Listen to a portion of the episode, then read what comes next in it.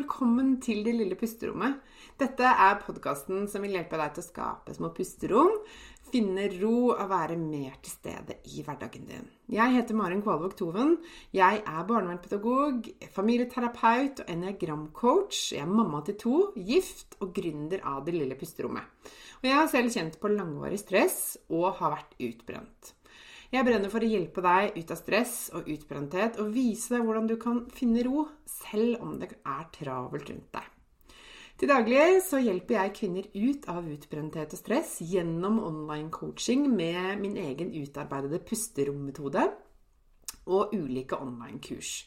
Du vil høre meg reklamere for mine tjenester i denne podkasten. Du vil også i denne podkasten få mine tips, triks og inspirasjon til hvordan du kan skape dine pusterom i hverdagen. Jeg kommer også til å dele egne erfaringer og invitere spennende gjester på besøk.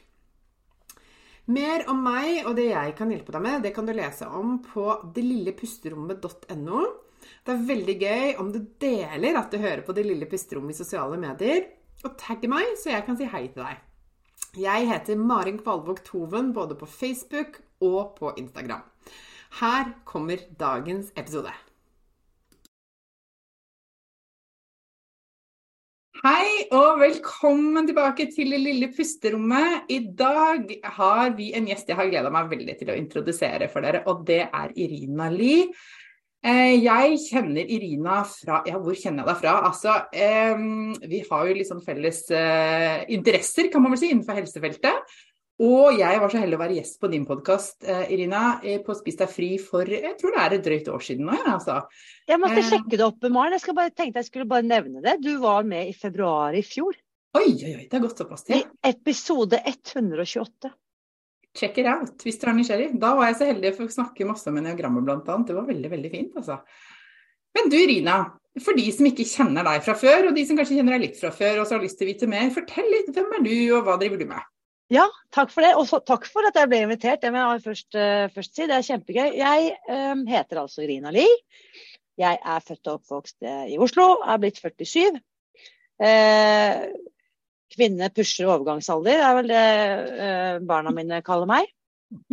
Eh, har gjort veldig mye. Jeg har bakgrunn som journalist, så det er, på en måte, det er på en måte faget mitt. Jeg har jobbet som journalist i mange av de store mediehusene, typ VG og TV 2 og Bergens Tidende var jeg veldig mange år. Og så under forrige krise, som jeg ofte snakker om, hvis vi tenker at vi er inne i en slags krisetid nå, så jeg har jo Min erfaring er at kriser er jo mulighet for nye starter. Eh, så under finanskrisen, som mange av oss er gamle nok til å huske, da valgte jeg, da fant jeg ut at livet er for kort til å gjøre ting som ikke gir meg glede og overskudd. Så sa jeg opp jobben i Bergens Tidende og gikk, ble frilans. Og det var jo da i 2009. Eh, sauset sammen med et samlivsbrudd og milliontap i boligmarkedet. og Alt var så langt nede som det kunne gå. og Da fant jeg ut at nei, jeg må i hvert fall gjøre noe meningsfullt på jobbtiden min. Og ble frilanser og gründer. Og det har jo vært en sinnssyk vi si, berg-og-dal-bane i de siste nesten 15 årene. Men det har jeg jo bare skjønt at det er det som gir i hvert fall livet mitt mye mening og glede, er å gjøre de tingene som interesserer meg, og få lov til å bruke tid på det. Og det har da ført meg inn på helsefeltet Eh, så siden 2015, når jeg oppdaget en kostholdsmetode som eh, jeg på norsk har kalt Spis deg fri, eh, så har jeg undervist om mat og helse, og etter hvert også pust og meditasjon og yoga. Så det er det jeg egentlig har fylt livet mitt med de siste åtte årene. Mm. Ja, ikke sant. Altså, her er det mye vi kunne snakket om. Ja, veldig mye. Hvor skal vi begynne, Maren? Hvor, hvor, mange, hvor mange episoder har vi tilgjengelig? vi får ta en egen sesong på det. Men, men, i dag så har jeg invitert deg hit fordi at jeg har lyst til at vi skal snakke litt mer om pust. Yes. For det som du nevner her, er jo noe du har blitt interessert i. Og jeg har jo lyttet til litt i podkasten din og fulgt litt med. Og også blitt nysgjerrig på det. Og tenker at dette er midt i blinken for mine lyttere. Dette med eh, med pust og med nesepust, og hva er det for noe? Kan ikke du fortelle, hvordan, hvordan ble dette et tema for deg? Hva, hva skjedde? Jo, uh, dette er uh, Takk for at du spør. Uh, jeg har jo holdt på med yoga. Det begynte jeg med når jeg var gravid første gang, så nå er vi snart oppe i 16-17 år med yoga. Og der, det var jo første gang jeg opplevde at det å drive fysisk aktivitet og koble meg på pusten, at det var noe vi snakket mye om i yogarommet. Så det var helt nytt for meg da, og da var jeg typ 30. Så det er egentlig interessant at jeg har gått de første 30 årene av livet mitt uten en eneste dag å tenke gjennom hvordan jeg puster, eller at det påvirker min fysiske eller mentale prestasjon whatsoever. Så øh, jeg får en del innføring i pusteteknikker gjennom yogaen, men uten at jeg blir helt hekta på pust. Men så gjennom øh, dette er jo egentlig tett forbundet med pandemien, mars 2020, som vi alle husker, som vi, ingen av oss kommer til å glemme.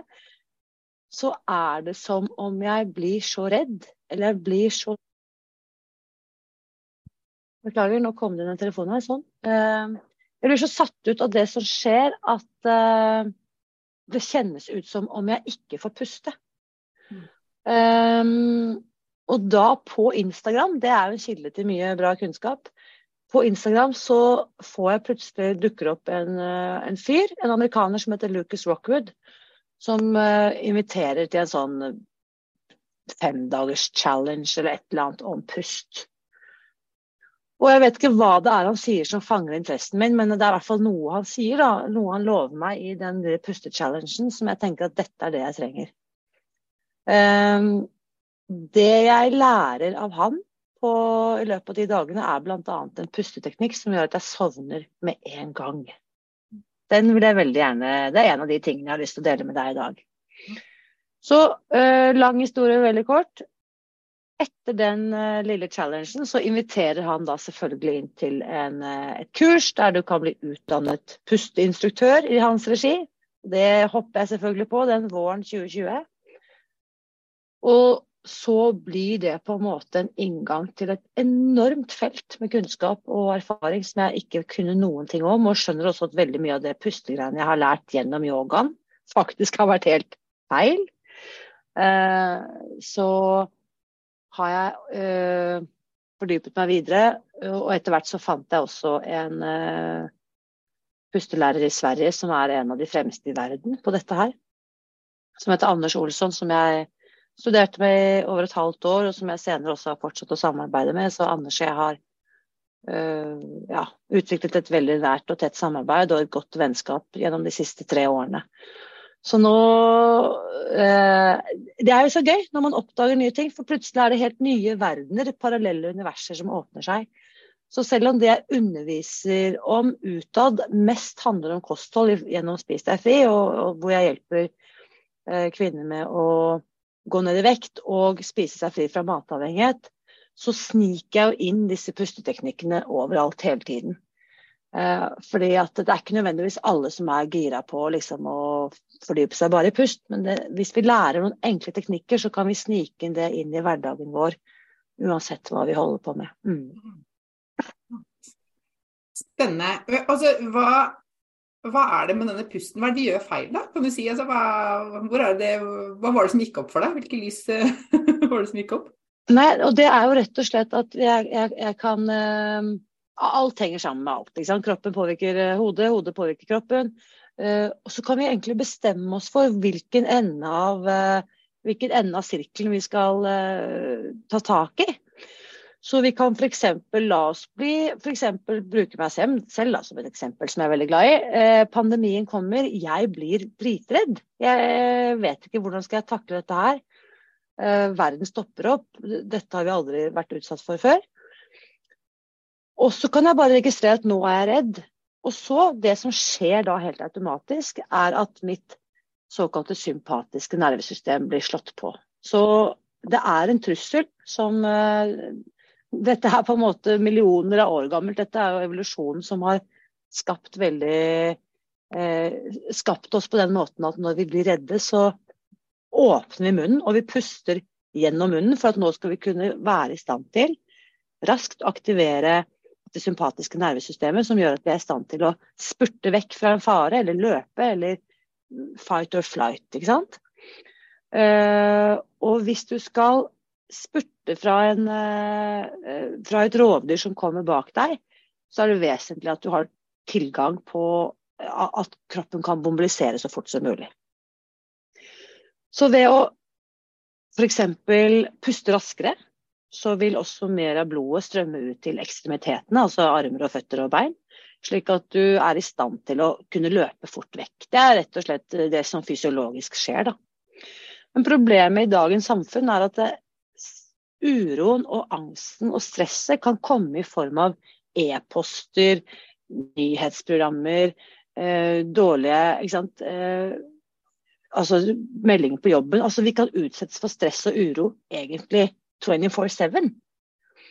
Og hvis kroppen blir stående i en sånn høyspenn, eh, f.eks. ved at jeg er stressa, puster, det er åpen munn, eh, jeg er egentlig i en tilstand av frykt, så er det veldig veldig skadelig for den eh, hva skal vi si, livskvaliteten og helsen på sikt.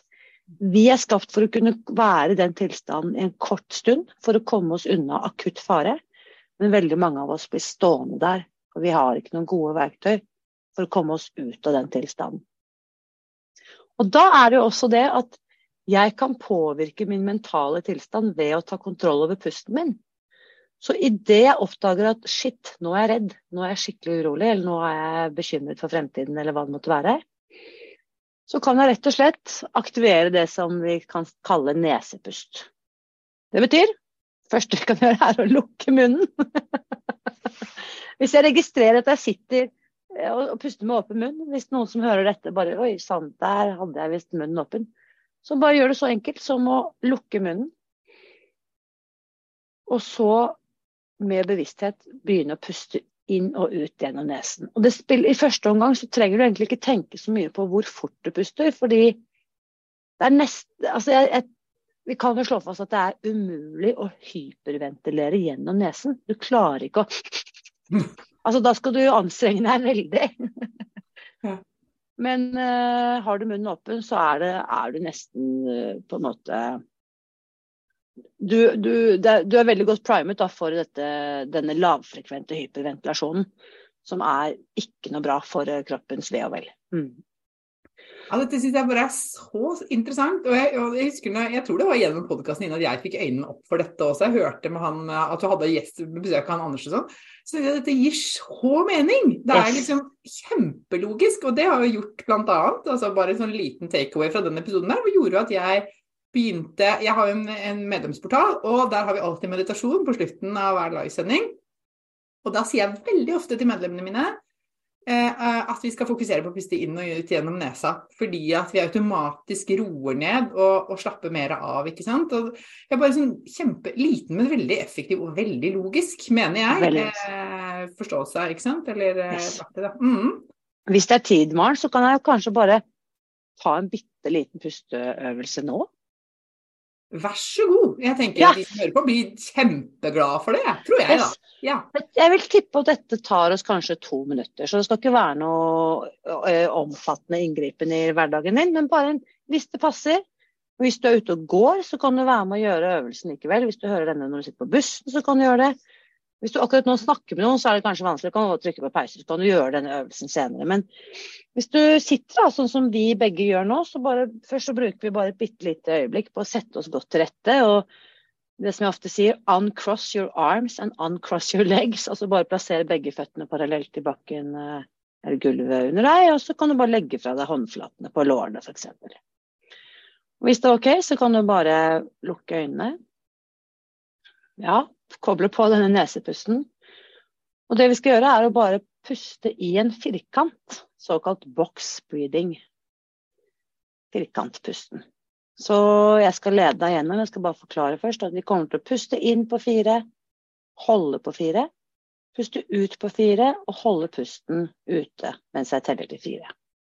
Så da puster vi inn to, tre, fire, og hold pusten to, tre, fire. Pust ut. Tre, to, én. Og hold pusten ute. Tre, to, én. En runde til inn. To, tre, fire. Hold pusten. To, tre, fire. Og pust ut. Tre, to, én. Og hold ute. Tre, to, én. Siste runde. Pust inn. To, tre, fire. Hold pusten. To, tre, fire. Og pust ut. Tre, to, én. Og hold pusten. Tre, to, én. Bare gjerne bli sittende med lukkede øyne hvis du fortsatt sitter. Bare pust inn og ut gjennom nesen. Og bare registrere om denne bitte lille pusteøvelsen, hvordan den har påvirket deg. Jeg skal forklare litt mer, men når du er klar, så nå kan du godt åpne øynene igjen hvis du vil det. Så denne firkantpusten, vi snakket jo litt om dette sympatiske nervesystemet som eh, aktiverer eh, eh, fight or flight. Kamp eller flykt heter det vel på, på norsk. Så har vi det motsatte, som er det som vi aktiverer når vi roer ned. Det som ofte refereres til som rest and digest-nervesystemet vårt, det parasympatiske. Og det er dette det er denne tilstanden det er hensiktsmessig å være i når vi skal sove, når vi skal spise, faktisk. Fordi når vi skal fordøye mat, så er det bra at eh, ikke alt blod i kroppen vår er ute i armene for at vi skal løpe av gårde. Men da må vi få maten inn til eh, eh sentrum i kroppen, eh, inn til innvollene og inn til organene våre, slik at kroppen nå kan fordøye eh, og, og, ta til seg næringsstoffene. Så er det da dette, denne box-breathingen kan være en slags bro mellom det sympatiske og det parasympatiske. Der vi balanserer dette nervesystemet, slik at vi ikke helt på innsovningsstadiet, det er en annen type pust, den kan jeg også nevne for så vidt. Men at vi ikke er i eh, kamp eller flykt, men at vi roer ned, sånn at vi kommer mer i balanse. Som er den ideelle tilstanden å være i, eh, vil jeg tenke, store deler av dagen. Så det gjør da at eh, hvis vi kan veldig grovt forenklet si at vi har tre veldig effektive pustemetoder. Vi har det som skal bringe oss opp, som skal gi oss kick og energi. Og Da kan vi godt liksom tappe inn på denne hyperventileringen som gjør at vi på en måte blir raskere, eh, kommer oss eh, raskere av gårde på 60-meteren. Eh, så har vi da denne pusteteknikk nummer to som vi bare touchet inn på nå. Denne her balanserende pusten. Og så har vi da denne siste kategorien som vi kan tenke oss som en avspennings- eller avslapningspust. Så veldig grovt kan du egentlig alle typer pusteteknikker havner i en av disse tre kategoriene. Må bare legge til en ting til, for det er en fjerde kategori som vi kan, kalle eh, LSD-pust, holdt jeg på å si. Som, og dette er ikke tull engang. Jeg har vært med på noen sessions i den retning som rett og slett gjør deg eh, Setter deg inn i en slags psykose. Eh, jeg har ikke selv blitt under, har ikke tatt noen utdanning i det, og, og, praktiserer det heller ikke, for det er såpass heftige teknikker. Men du kan tenke deg at eh, hvis du rett og slett uh, puster på en måte som Altså, inni kroppen vår da, så har vi jo verdens heftigste og naturens heftigste apotek.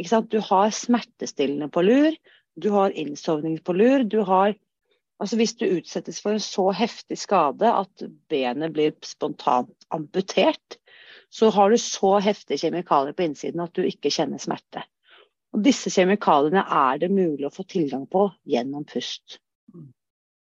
Så, men da er vi liksom over i ekstremsport, og jeg tenker at det er egentlig ikke så hensiktsmessig. Så vi dropper den fjerde kategorien. Men det er kanskje greit å vite at den finnes der for de som er eh, interessert. Mm. Ja, men, men, jeg tenker i en, en, en, mikroskopisk eller litt mindre skala, så kan man jo si altså Det er jo flere som har erfart det, sikkert du har erfart, og jeg har erfart det selv også, at man, er man veldig anspent, har smerter i kroppen, hodepine ikke sant? Det å faktisk roe ned og komme mer over det sympatiske nervesystemet kan i seg selv lindre smerte og yes. Eh, gjøre at muskler, eh, spenninger slipper tak. ikke sant? Altså, det er jo veldig mye som skjer, som jo også har Yes. I en litt mindre skala enn hva du nevner der, da. Men ja. Ja da. Og det er jo det vi gjør når vi roer ned pusten og, og aktiverer nesepusten. Så eh, det også setter i gang masse kjemiske prosesser og hormonresponser i kroppen. Og bl.a. Liksom, midt i ansiktet, eh, bihulene sant, som sitter på hver sin side over og under øynene. Det, bare der finnes det jo altså så mye reseptorer. Så når de blir aktivert gjennom nesepust, så er det også signal til kroppen om at jeg er trygg, jeg har det bra. Det skilles ut liksom feel good-hormoner. Eh, for å komme med litt sånn pikante, pikante nesepustdetaljer, så er bl.a. Eh, utskilles det en kjemikalie som også er det mest potente virkestoffet i Viagra. Så hvis du har litt trøbbel med eh, sexlysten, så er det kanskje at du rett og slett munnpuster. Så bare ved å puste gjennom nesen, så kan du også forbedre sexlivet. Altså, det er ikke den ting som Nei, det er ikke den ting som Her er vi fort over på teiting av munnen, Maren. Vi kan snakke litt om det òg. ja, jeg syns absolutt vi skal innom det. Fortell. Ja. Dette er jo da eh, for de av oss som holder på med eh, pusting eh, og har eh, tatt litt mer enn et krasjkurs. Så det som er altså superhacket, da, supersnarveien, det er rett og slett at uh, jeg teiper munnen når jeg legger meg om kvelden. Dette høres helt psyko ut for de som ikke har altså Første gang jeg hørte det, så tenkte jeg sånn Dette her ja, Han må jo være helt skrudd, han der Lucas Rockwood som begynte å snakke om det. Men jeg, jo mer jeg begynte å se på de vitenskapelige begrunnelsene for å gjøre det, og ikke minst Jeg bare tenkte at jeg skal i hvert fall teste, så får jeg sjekke hva, hva det er snakk om. Så veldig konkret. Du kan bruke et norgesplaster hvis ikke du Altså dropp gaffateipen. Vi skal ikke liksom Vi skal ikke lukke igjen alt. Men altså et lite norgesplaster. Hvis du kan klippe det opp selv, så kan du klippe en eh, plaster som er kanskje en centimeter bredt. Eh, du kan teipe fra munnvik til munnvik. Det gjør jeg. Um, helt konkret, jeg, vet, jeg får alltid spørsmål etter hvordan eh, teip bruker du. Det går an å kjøpe Anders Olsson bl.a., min pustelærer. Han selger et eget produkt som heter Sleep Tape, som er laget med tanke på dette. Jeg har etter hvert gått over til noe som heter Mikropor, som er sånn rull. Teip på rull. Som du får kjøpt på apoteket for ikke veldig mange penger. Um, så jeg bruker den som er 2,5 cm bred. Og så teiper jeg fra munnvik til munnvik. Men hvis det er litt så voldsomt å starte der, så kan du bare ta en bitte liten norgesplaster, og og så ta den på tvers. Som en sånn liten eh, Charlie Chaplin-bart. Liksom fra under nesen og så ned på haken. Sånn at du bare hjelper munnen din. Du bare gir munnen din gjennom natten en liten påminnelse til å holde seg lukket. Så den teipen kan være så løs at det er faktisk mulig å mumle litt. Hvis du setter den på tvers, så går det an liksom å snakke litt i munnviken. Så det er ikke sånn at du er gjenteipet, men bare den lille invitasjonen til å holde seg lukket, så blir du får kroppen et signal om at pust med nesen. Um, og, og, det som skjer da, annet, er at det i disse bihulene bl.a. skilles ut uh, uh, kjemikalier som gjør at den glatte muskulaturen slapper av. Det er et avspenningsmiddel, rett og slett. Og det betyr jo I teorien høres det kanskje litt sånn ja, so what? Det betyr bl.a. at muskulaturen du har rundt urinblæren din, den slapper av, den, den, avspennes i mye større grad enn hvis du munnpuster. Som da, sånn som jeg, da, som liker å drikke mange liter med te og vann hver dag. Jeg må ikke lenger opp om natten for å tisse. Fordi urinblæren min slapper av og har kapasitet til å holde på urin mye mer enn en stresset og sammentråkket urinblære. Så sånne ting eh, må oppleves. Det er helt ufarlig. Det er altså ingen bieffekter, ingen negative bivirkninger ved å munnteipe. Eh, mange sier til meg men jeg er tett i nesen, Rina, jeg kan ikke teipe munnen. Men det er fordi du ikke bruker nesen. Det er derfor den blir tett. Så da vil jeg anbefale at du setter på den teipen, la oss si en eh, halvtimes tid da, i løpet av kvelden, mens du fortsatt styrer rundt på kjøkkenet og holder på å eh, smøre matpakker til morgenen, morgenen etter, eller hva du gjør. Eh, eller støvsuger eller hva som helst, så bare begynn med å teipe munnen mens du fortsatt er våken, så kroppen skjønner hva du prøver å få til. Og så etter hvert så vil du oppleve at nesen blir åpnere og åpnere. Du kan kaste alt du har av Otrivin og andre nesesprayer, som jeg aldri vil anbefale noen å bruke uansett. Så ved å bruke nesen, så forebygger du også at det skjer masse dritt oppi, oppi nesen som, eh, som, kan få masse negative bivirkninger hvis vi eh, tyr til altså Nesespray er jo én ting, men folk gjør de merkeligste ting for å åpne luftveiene. Mm. Inkludert kirurgiske inngrep og alt dette. Alt dette er mulig å forebygge og også reversere ved å begynne å bruke nesen, rett og slett. Ja, og jeg har jo hørt, jeg vet ikke om dette er innenfor din kompetansefelt, men jeg har jo hørt og sett bilder av altså, hvordan kjevene våre har utviklet seg. Ja. altså Hva det har påvirket av tannstilling, kjeve altså Hva er det som har skjedd her? Nei, øh, skal bruke dette Det er nesten litt sånn skummelt å gå for dypt inne, for vi kan bli litt sånn der dystopiske. Hvordan skal dette ende? Nå går verden ordentlig til helvete, liksom. Men vi får bare Bra da, at det kommer kunnskap om det, så vi kan forebygge det så langt det lar seg gjøre. Hvis du ser for deg en, et barn som sitter med en iPad eller en mobil, så vil hodet være tiltet fremover. Eh, haken vil kanskje ha falt litt ned barnet sitter veldig ofte med åpen munn. Og dette er ikke bare barn, du kan også se på bussen eller på toget hvis du ser, ser folk som sitter med mobilen foran seg. Det er litt sånn derre eh, Hva skal jeg si da? At eh, halvåpen munn, og man sitter og scroller eller holder på. Så hele kroppsholdningen, den er jo ikke heldig. For der allerede har du en invitasjon til munnpust. Når munnen er halvåpen, så er det naturlig at man også puster gjennom munnen. Men det som også, det er kommet et begrep i, i pusteverdenen som rett og slett refereres til som mobilapné, eller dataapné. Og apné er jo pustestopp.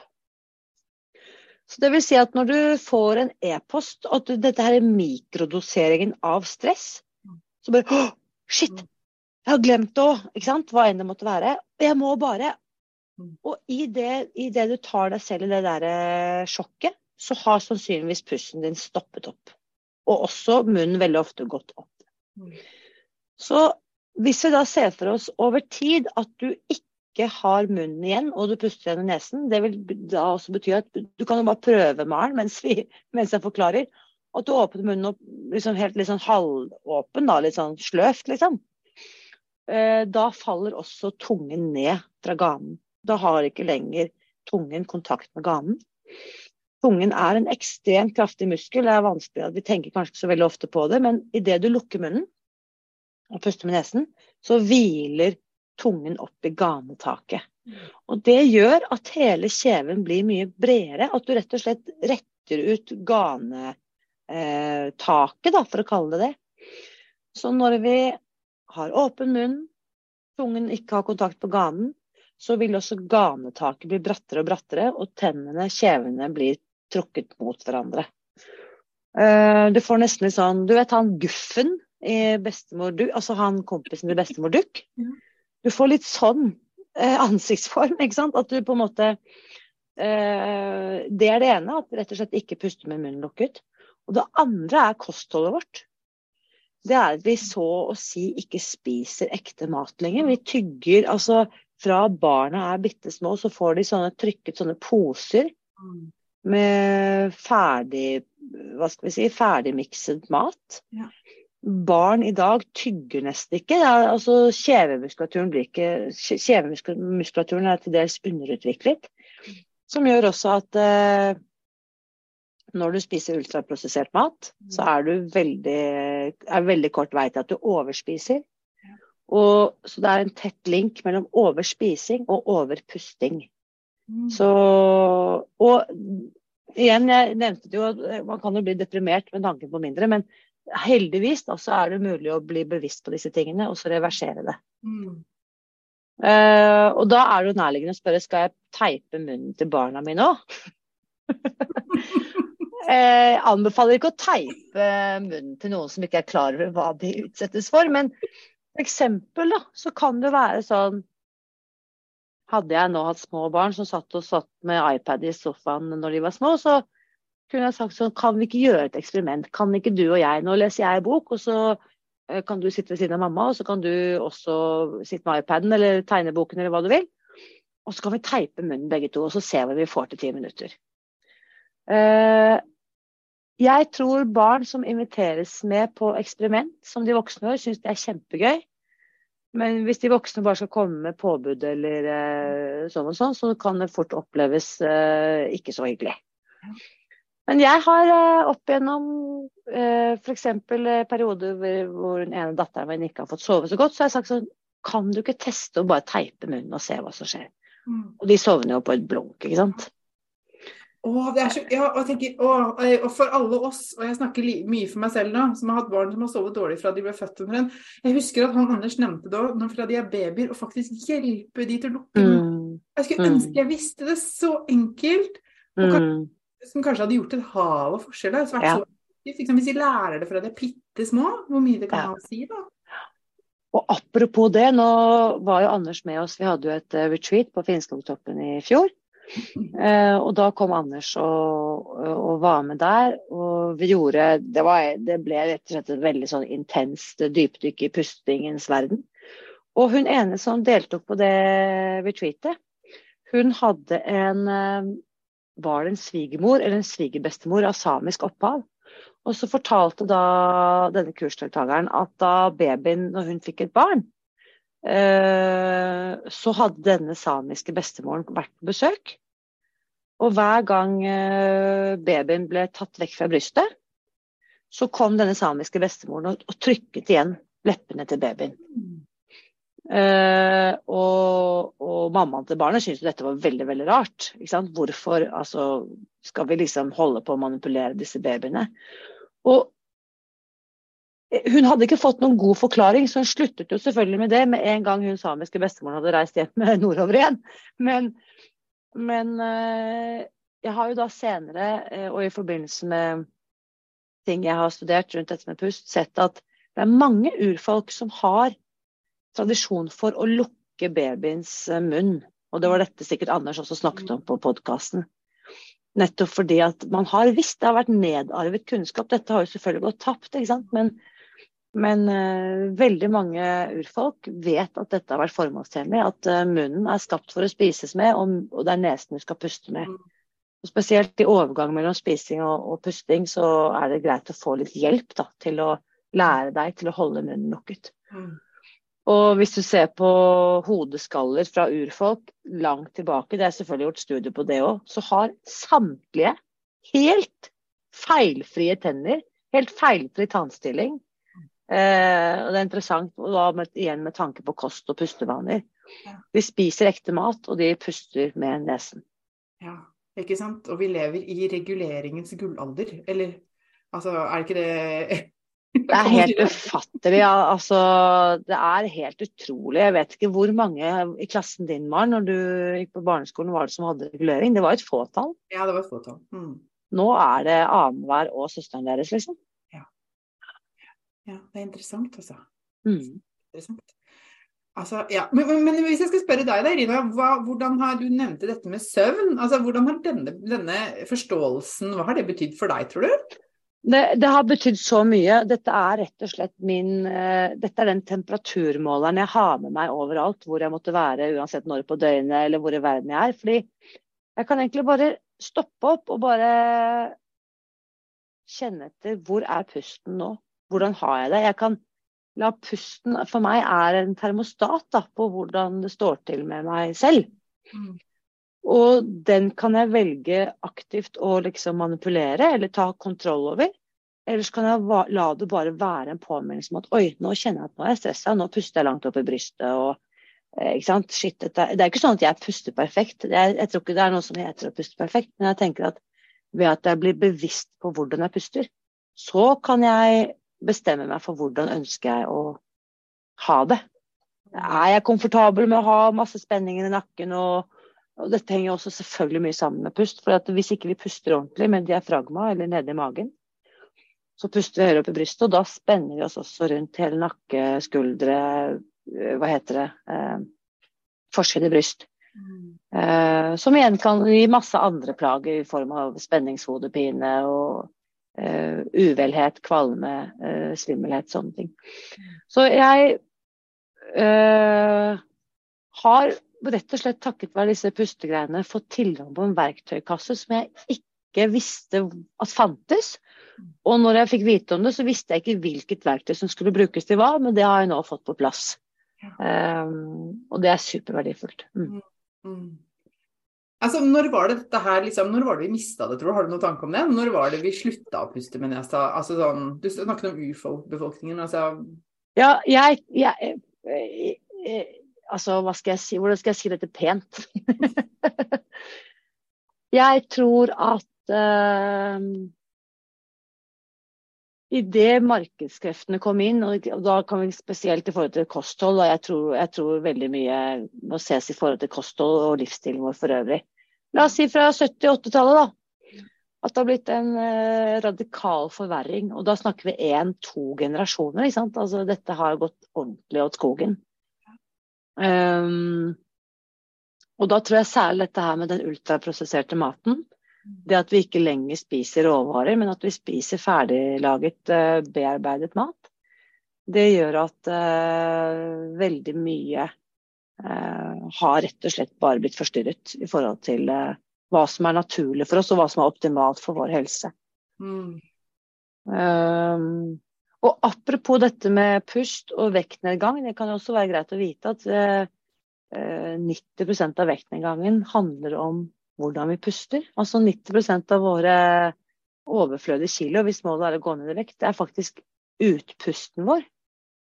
Det høres helt merkelig ut, men altså, hvis du tenker deg hvis du har store fettreserver da, på kroppen, som jo overvekt er, så idet du puster og går ned i vekt, så omdannes jo alt, alle materialer vi har i kroppen, til CO2.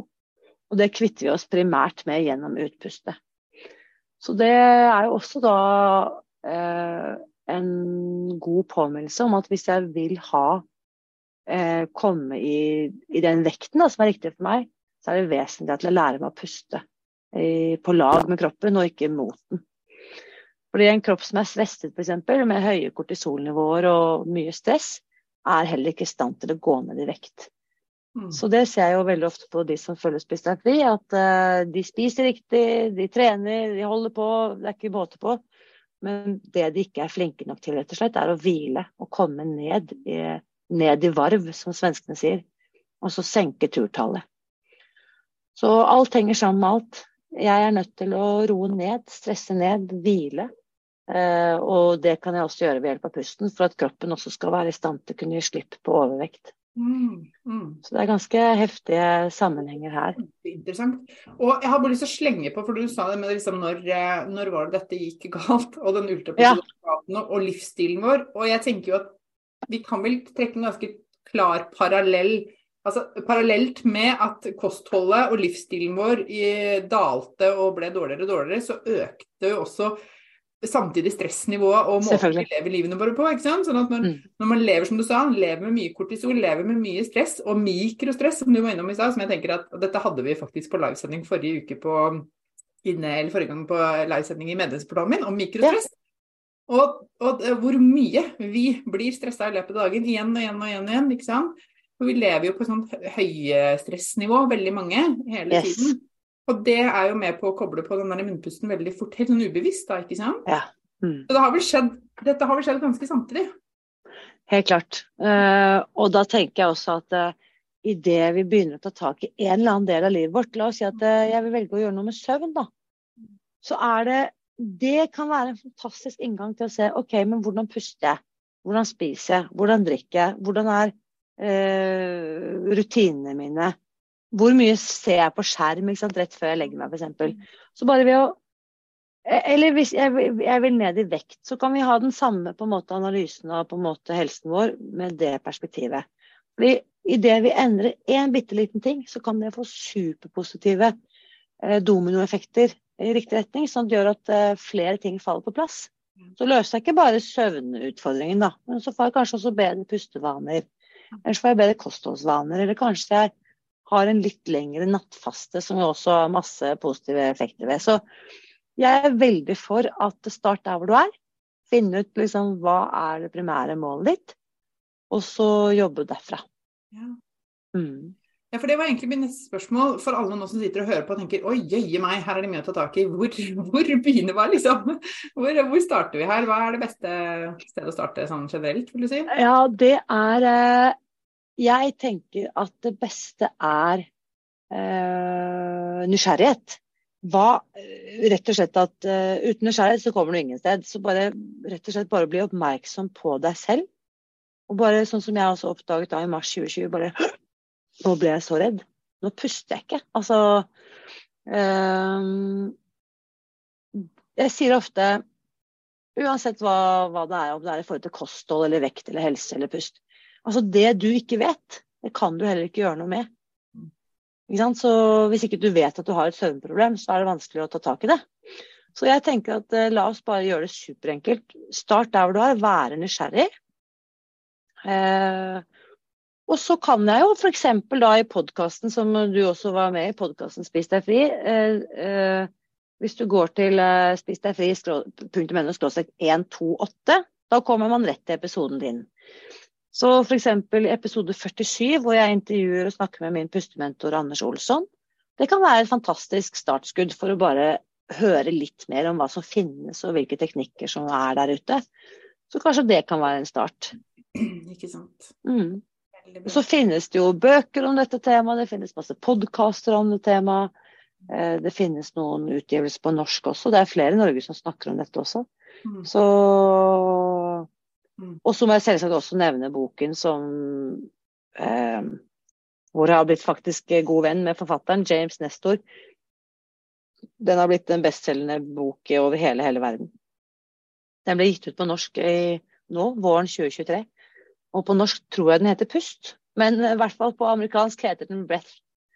Og det er per dags dato den absolutt beste boken jeg har lest om dette temaet. Og James Nestor har jeg også intervjuet på podkasten min, så hvis man går i arkivet der, så finner man også det intervjuet. Så det kan også være et, en fantastisk bra ressurs. Mm.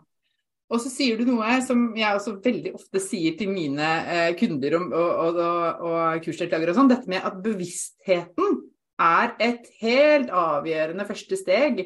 Og bare jeg er helt sikker på nå at alle som sitter og hører på denne episoden, og kommer til å høre denne episoden, bare kommer til å plutselig lukke munnen sin og bare ja. det der. Bare fordi at bare. Oi, jeg har ikke tenkt over dette. Jeg visste det ikke, som du sa. Jeg var ikke klar over det. Da kan mm. jeg gjøre noe med det. ikke sant? Jeg var bare ved at jeg fikk høre om det, blitt mye mer liksom, oppmerksom på yes. at jeg skal holde munnen igjen. Og det kan jo i seg selv få kjemperingvirkninger. ikke sant? Bare yes. Mm. Ja. Så det å starte der mm. Altså Nå vet du ikke når dine lyttere hører akkurat på denne episoden, men hvis ikke det er leggetid akkurat nå, så kan du i hvert fall øh, vite da når kvelden kommer og du trenger litt drahjelp for å sove, eller sovne inn, så kan det være så enkelt som å puste inn på tre. Igjen da, selvfølgelig nesepust, gjerne med munnen teipet igjen. Her er det mulig å kombinere flere av de teknikkene vi har snakket om. Og så forlenger du utpusten til det dobbelte. Mm. Så det er denne her eh, avspenningspusten som jeg så vidt nevnte i stad. Som enkleste metoden er rett og slett å puste inn på tre, og så puster du ut dobbelt så lenge. Og hvis tre og seks er litt mye, så kan du begynne med to og fire. Hvis du er veldig erfaren, så kan du dra den opp til inn på fire og ut på åtte. Eh, sånn at eh, du da faktisk senker pustefrekvensen. Hvis du tenker deg inn på fire og ut på åtte, så er kanskje ett pust tar 12-13 sekunder. Med en, altså inn og én ut. Og da er du nede i fire-fem pust i minuttet. Det er en veldig lav pustefrekvens i forhold til det vi har når vi løper rundt på dagtid. Så får jeg også spørsmål om er det mulig å puste for sakte. Det er det ikke. da, altså, kroppen din overstyrer deg hvis du tenker at du skal puste sakte, og du puster så sakte at nå får ikke kroppen nok til eh, vitale organer, så kommer liksom dette autonome nervesystemet til å eh, gripe inn og puste. Så jeg kan be deg om å holde pusten, og jeg kan motivere deg og inspirere deg til å holde pusten litt til, men på et eller annet tidspunkt, uansett hvor lenge jeg maser på at du skal holde pusten, Maren, så kommer kroppen din til et eller annet tidspunkt og bare og trekker pusten eh, helt på egen hånd. Så Mm. eh, ja, selvfølgelig begynner å, å senke hodet under vann og holde på med sånne ekstreme greier, så kan det bli ordentlig farlig. Men så lenge du ligger i sengen, lukker øynene, kanskje til nød har teipet munnen, så er dette helt ufarlige teknikker, det vi snakker om her. Mm. Altså, jeg, jeg, kan si med, med, stor grad av sikkerhet at veldig mange av de som lytter til denne episoden, har veldig nytte av de tipsene der. For det er veldig mange av mine eh, følgere som, som, strever med søvn. Sånn at alle sånne tips er jo gull verdt, tenker jeg. Så tusen takk for det. Det var helt strålende. Mm. Ok, Irina, vi skal runde av for i dag. Vi kunne snakket om denne, dette veldig lenge, kanskje du får komme tilbake. Men eh, dette var kjempeinteressant. Tusen takk for at du delte med oss. Takk for at jeg fikk komme. Mm. Ja, og hvis noen har liksom lyst til å uh, følge deg videre og vite hvor de finner deg sånn ute på det store internettet, hva gjør man da? Ja, nei, altså jeg er jo overalt hvor sosiale medier finnes. så Instagram er jeg, uh, både med Spis deg fri-konto, hvor vi snakker selvfølgelig primært om, uh, om, mat og helse, men også litt pust. Så den heter Spis deg fri, og så har vi selvfølgelig Facebook-sider opp og ned i mente. Eh, og også nettsidene våre, som jeg tenker er en bra eh, portal til mye bra content på spisdegfri.no. Så det tenker jeg er det enkleste. Mm. Også podkasten som vi har nevnt flere ganger allerede. Anbefaler Podcast, ikke minst. mye Absolutt. bra helsestoff der, ikke sant? Ja, og, Ganske bredt, vil jeg si. Jeg vil jo si det, og der har jeg tenkt at uh, taglinen min for den podkasten er det er kunnskap som gir deg påfyll til hodet, hjertet og magen. Og da har jeg rett og slett gjort det. Det, det er her min, holdt jeg på å si, min indre journalist får boltre seg. For det er så mye spennende som det er mulig å finne ut mer om. Så da er podkasten, det vet du Maren, da er jo det en fantastisk god anledning til å få snakke med spennende folk om spennende temaer. Mm. Ja, ja, ja. Nydelig. Tusen takk skal du ha, Irina. Eh, og jeg er helt sikker på at dette her var veldig nyttig for alle lyttere. Og eh, lurer du på noe, ta kontakt med Irina på Instagram eller Facebook. Eller yes. Sikkert husk å puste. husk å puste, det er det viktigste. Tusen takk for i dag. Takk for i dag. Ha det. Dette var dagens episode. Jeg håper du likte den. Og hvis du gjorde det, så del gjerne i sosiale medier og tagg meg med Mari, at Maren Kvalvåg Toven, så kan jeg si hei til deg. Jeg blir så glad for sånne meldinger. Og følg meg gjerne også på Facebook og på Instagram. Du finner meg som Maren Kvalvåg Toven begge steder. Jeg ønsker deg en fin dag videre, og så snakkes vi igjen snart.